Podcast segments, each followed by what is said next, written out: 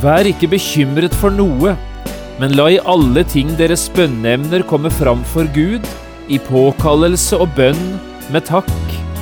Det er Paulus som skriver disse flotte ordene. Og nå skal du få et godt råd. Skriv disse ordene ned på en lapp, og heng denne lappen på badet, på kjøkkenet eller på kontoret. Og glem det aldri, disse ordene kommer fra Gud, og de gjelder meg.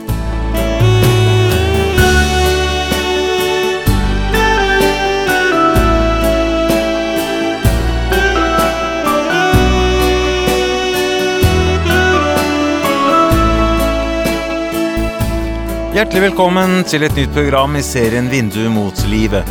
Programmet er produsert av Kristen Riksradio og blir ledet av Jon Hardang. Kristen Riksradio drives av frivillige gaver. Vi er glade for din støtte.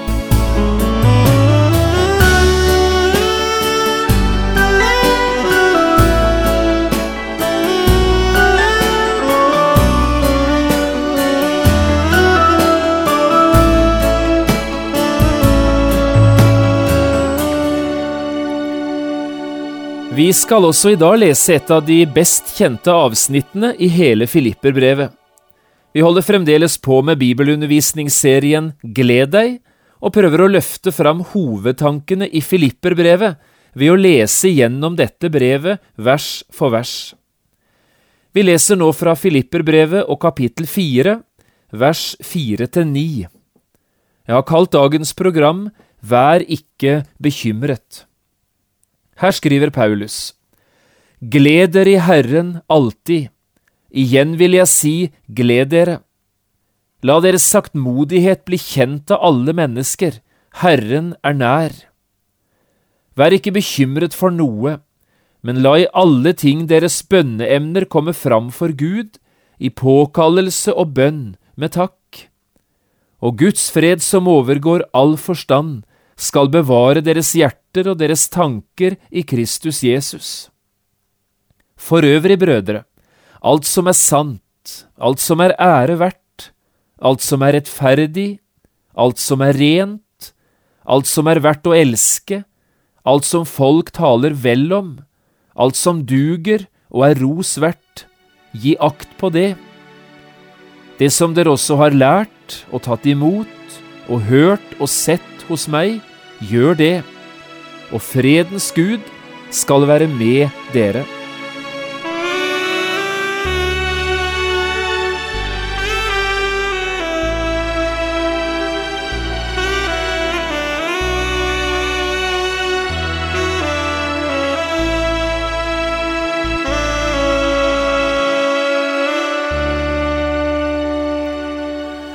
Du kjenner sikkert historien om gamle Marte, gjør du ikke?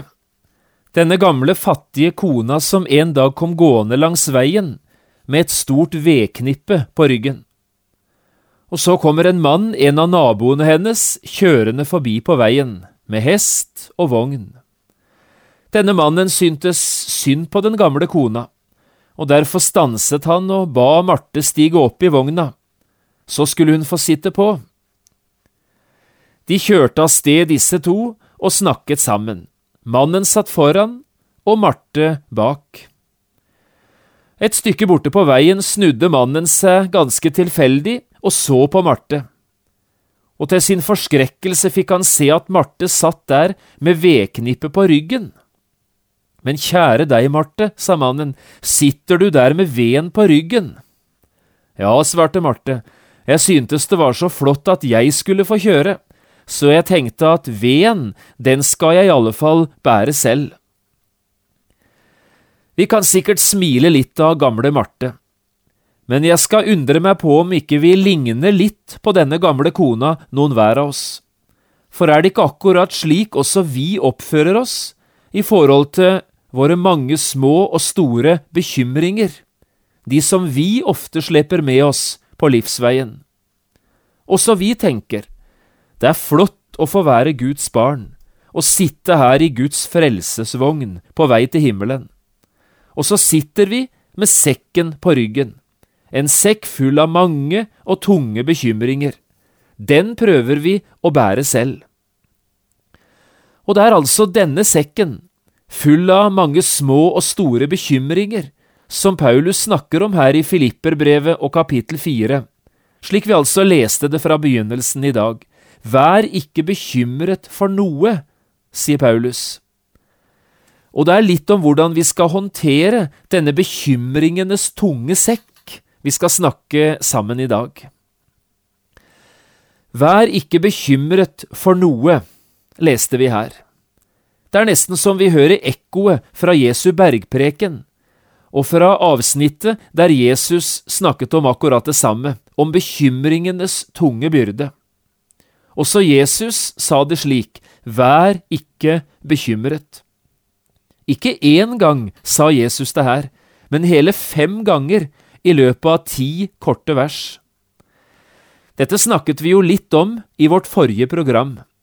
I dag skal vi ta med én en eneste ting fra Jesu bergpreken i denne sammenhengen.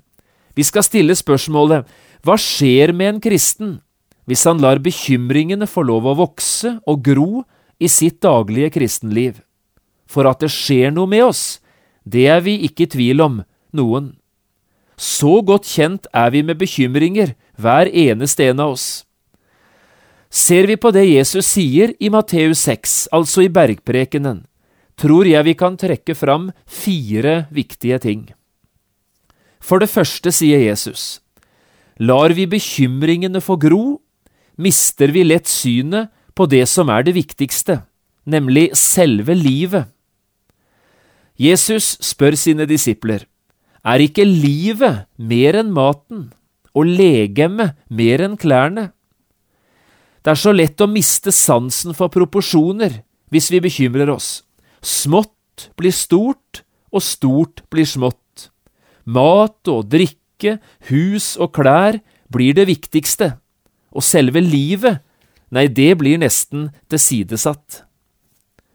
For det andre sier Jesus, vi blir så lett selvopptatt og egoistiske. Jesus sier rett ut, vær derfor ikke bekymret og si, hva skal vi ete, eller hva skal vi drikke, eller hva skal vi kle oss med? Vi, vi, vi. Trykket ligger hele veien på vi. Det er jeg, Geiesen fra Geiebostad, som bekymrer seg, hvordan skal det gå med meg? Det tredje Jesus sier til sine disipler, det er dette. Det som er ditt og mitt store privilegium som kristne, det blir tåkelagt, kanskje helt borte, hvis vi begynner å bære på bekymringer. For hva er det spesielle ved å være en kristen? Ja, det er jo at vi har en stor og god far i himmelen, som har omsorg for alle disse tingene i livet vårt. Deres himmelske far vet at dere trenger til dette, sier Jesus her. Men dette synet av vår Far i himmelen, det blir lett tåkelagt, kanskje helt borte, hvis bekymringene får overtaket i livet vårt og i hverdagen. Og det siste Jesus sier er dette. Vi begynner så lett å frykte for morgendagen. Tankene på framtiden blir et ork hvis vi begynner å bekymre oss. Derfor avslutter Jesus i det siste verset her i Matteus 6 med å si, Vær da ikke bekymret for morgendagen. Dersom han sier, Også den ligger jo i min fars hånd. Men hvis jeg begynner å bekymre meg, da glemmer jeg lett det, og så tenker jeg i stedet, hvordan skal dette gå? Hvordan skal jeg komme igjennom det som nå venter? Nei, det skjer altså ganske dramatiske ting både med oss og med vårt liv, hvis vi gir grobunn for bekymringene. Men det finnes altså et annet liv, sier Paulus her, og en annen, en mye bedre vei. Vær ikke bekymret for noe, men Det er altså helt andre ting vi skulle gi rom i livet. Det er andre ting vi heller skulle være opptatt med enn bekymringer. Og det er dette Paulus skriver om her i Filipperbrevet 4, i det avsnittet vi nå leste fra vers 4 til 9. Tenk om du og jeg kunne lære dette, slutte å bekymre oss for det vi likevel ikke kan forandre, det som ikke vi har ansvaret for, eller det som vi likevel ikke har kontroll over.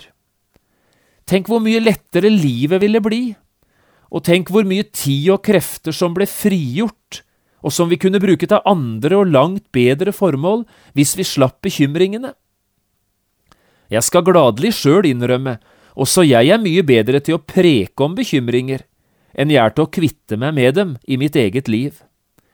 Men derfor trenger også jeg dette så sårt, det vi snakker om nå, på samme måten som jeg tror du trenger det. Vi er i samme båt, eller på samme vogna, for å bruke bildet fra historien om gamle Marte, og vi trenger hjelp så vi kan bli kvitt denne tunge sekken som vi fremdeles sitter med på ryggen, bekymringenes tunge sekk. Paulus' ord her i Filipperne 4 har hjelp å gi oss. Paulus setter ord på tre forskjellige ting som er i stand til å drive bekymringene bort, hvis vi bare gir rom for dem, eller skikkelig grobunn til disse tre dyrebare tingene. Og hør nå, det vi her snakker om, det gjelder ikke bare spesielle mennesker eller spesielle situasjoner.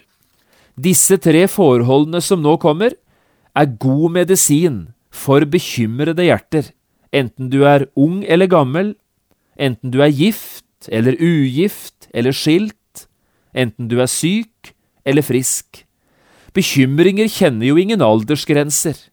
Bekymringer spør aldri etter sivilstand eller legeattest. Skal ikke vi prøve nå å få tak i det Paulus her sier? Hvilke tre ting er det han snakker om? Det første er ordet glede. Hørte du det som sto i vers fire? Gled dere i Herren alltid. Igjen vil jeg si, gled dere. Dette handler om glede. Du liker å gjøre god butikk, gjør du ikke? Jeg tror det er få ting som kan gjøre nordmenn så tilfreds som når han får gjort en god handel og fått en skikkelig kvalitetsvare til lav pris. Her skal du få et tips om en skikkelig god forretning. Du kan få bytte bort alle dine bekymringer, og i stedet få ekte glede. Og alt er helt gratis. Hva syns du?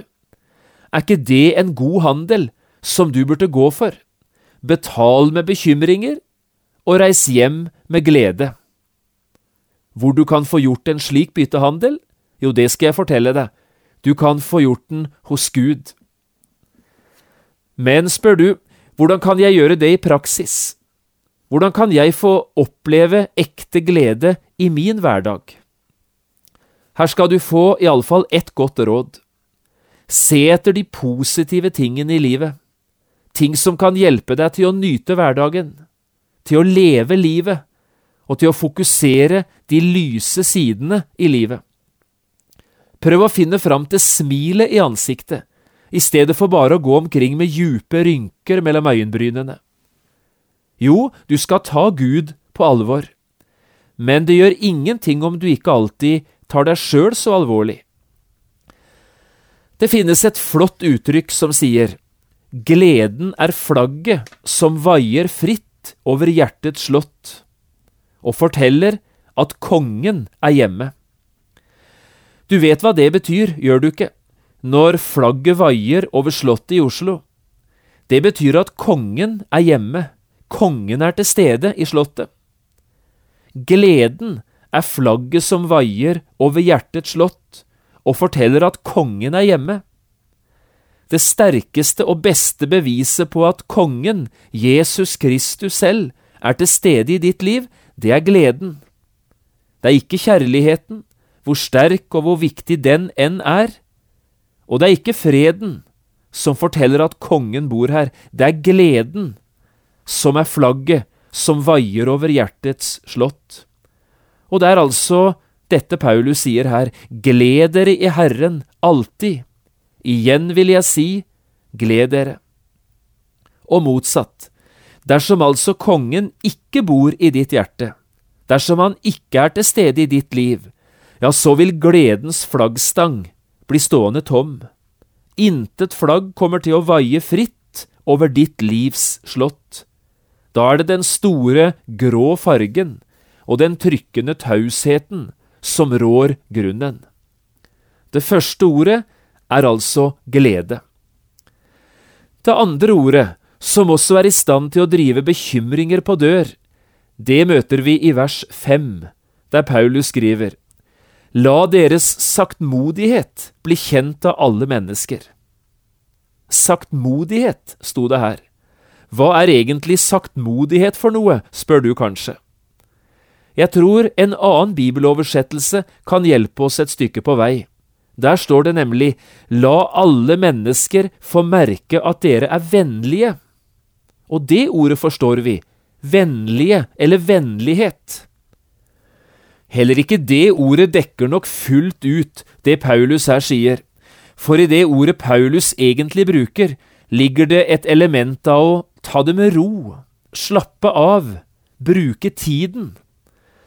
I dette ordet ligger det altså en anbefaling om ikke å kave seg opp. Saktmodighet er vennlighet som er forsiktig, og som tar seg god tid. Litt treg vennlighet som tar tida til hjelp. Dersom Paulus vil si gi rom for denne vennligheten, omgås andre mennesker med respekt og med rimelighet, ta tiden til hjelp, og prøv å være et godt medmenneske for slike som trenger det. Ingen har vært saktmodig på denne måten, slik Jesus var det. En gang sa Jesus det til sine disipler, Lær av meg, for jeg er saktmodig og ydmyk av hjerte, så skal dere finne hvile for deres sjeler. Det samme sier Jesus til oss i dag. Vi har et sterkt eksempel på hvordan denne saktmodigheten oppfører seg i historien som du sikkert kjenner, om kvinnen som var grepen på fersk gjerning i hor, og som de religiøse lederne kom trekkende med rett inn på tempelplassen, for å høre om ikke Jesus var enig i det, at denne kvinnen burde steines. Jeg vet ikke om du husker hvordan Jesus oppførte seg, han var saktmodig, vennlig i forhold til denne kvinnen. Først tidde Jesus tok seg god tid, og så satte han anklagerne skikkelig på plass. Jesus lot være å tråkke på kvinnen, i stedet viste han henne respekt, uten å ta fra henne ansvaret for det hun helt klart hadde gjort. Og på denne måten, gjennom sin vennlighet, sin saktmodighet, så vant Jesus denne kvinnens hjerte denne dagen. Han var utrolig vennlig imot henne, saktmodig. La alle mennesker få merke at dere er vennlige, sier Paulus her. Å leve slik, som et vennlig, et saktmodig menneske i forhold til andre, det er å leve et liv som ikke gir grobunn for bekymringer på egne vegne. Bare prøv. Og så det tredje ordet. Det er det vi møter her i vers sju det er ordet fred, eller hvile, kanskje ro. Paulus skriver det så fint, og Guds fred som overgår all forstand, skal bevare deres hjerter og deres tanker i Kristus Jesus. Fred, guddommelig hvile, det er iallfall en sinnstilstand som ikke gir bekymringene særlig store muligheter til å overleve. For den som har fred i hjertet, den som hviler i Guds hender med alle ting, han er trygg og rolig. Han er ikke bekymret, for han vet, Gud har selv tatt seg av min sak, han har tatt hånd om mitt liv. Er ikke det flott? Glede, vennlighet og fred har vi talt om her, tre herlige ord. Men også dette kan lett bli fine ord uten konkret innhold. Derfor, helt til slutt i dag, skal du få tre praktiske råd som jeg tror kan hjelpe deg ut av bekymringenes jerngrep, og i stedet inn i et rikt og godt liv. Det er disse tre rådene Paulus selv gir oss i slutten av bibelavsnittet vi nå har lest sammen. Hør nå her. For det første, prøv å fylle sinnet ditt med positive tanker. Tenk positivt. Paulus skriver akkurat det i vers 8. For øvrig, brødre, alt som er sant, alt som er ære verdt, alt som er rettferdig, alt som er rent, alt som er verdt å elske, alt som folk taler vel om, alt som duger og som er ros verdt, legg vind på det. Det betyr altså fokuser det positive. Alt går selvsagt ikke på skinner for en kristen. Ingen av oss er kvitt alt det som kan såre eller skuffe oss eller bryte oss ned. Men hvis det skulle komme slike mørke skyer på himmelen, ja, så vet en kristen likevel, bak disse skyene er himmelen blå. Fokuser det positive. Det andre Paulus sier er dette, prøv å finne gode forbilder. Prøv å finne noen du kan se opp til og følge etter, kanskje gå i fotsporene til. Det skriver Paulus i vers 9. Det som dere har lært og tatt imot og hørt og sett hos meg, gjør det. Paulus anbefaler filipperne og oss å følge etter i hans fotspor. Dette er ganske sterke ord, men det betyr ikke at Paulus i egne øyne er syndfri eller fullkommen. Han sier bare, også jeg har måttet prøve å lære meg å leve slik at gleden og vennligheten og freden får rom i livet mitt. Og slik har jeg også et ønske om at dere skal få oppleve det samme, enten dere bor i Filippi eller i Norge. Følg i mine fotspor, sier han. Selvsagt finnes det også andre forbilder, både i historien og i Bibelen. Finn fram til sånne forbilder, fest blikket på dem, og etterfølg så deres tro og deres liv. Og så det tredje. Prøv å leve i Guds fred i alle sammenhenger og alle livets forhold. Paulus avslutter nettopp slik, og fredens Gud skal være med dere. Der Gud er med, er også Guds fred tilgjengelig. Og nå sier altså Gud selv det til deg og meg, Jeg vil gå med deg alle dager inntil verdens ende. Alle dager. Det betyr at du alltid og under alle forhold kan eie Guds fred. Vær ikke bekymret for noe, men la i alle ting deres bønneemner komme fram for Gud i påkallelse og bønn med takk. Slik har vi lest det i dag. Og nå skal du til slutt få et godt råd.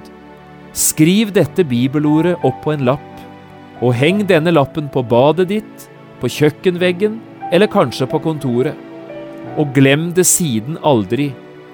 Disse ordene kommer fra Gud, og de gjelder meg.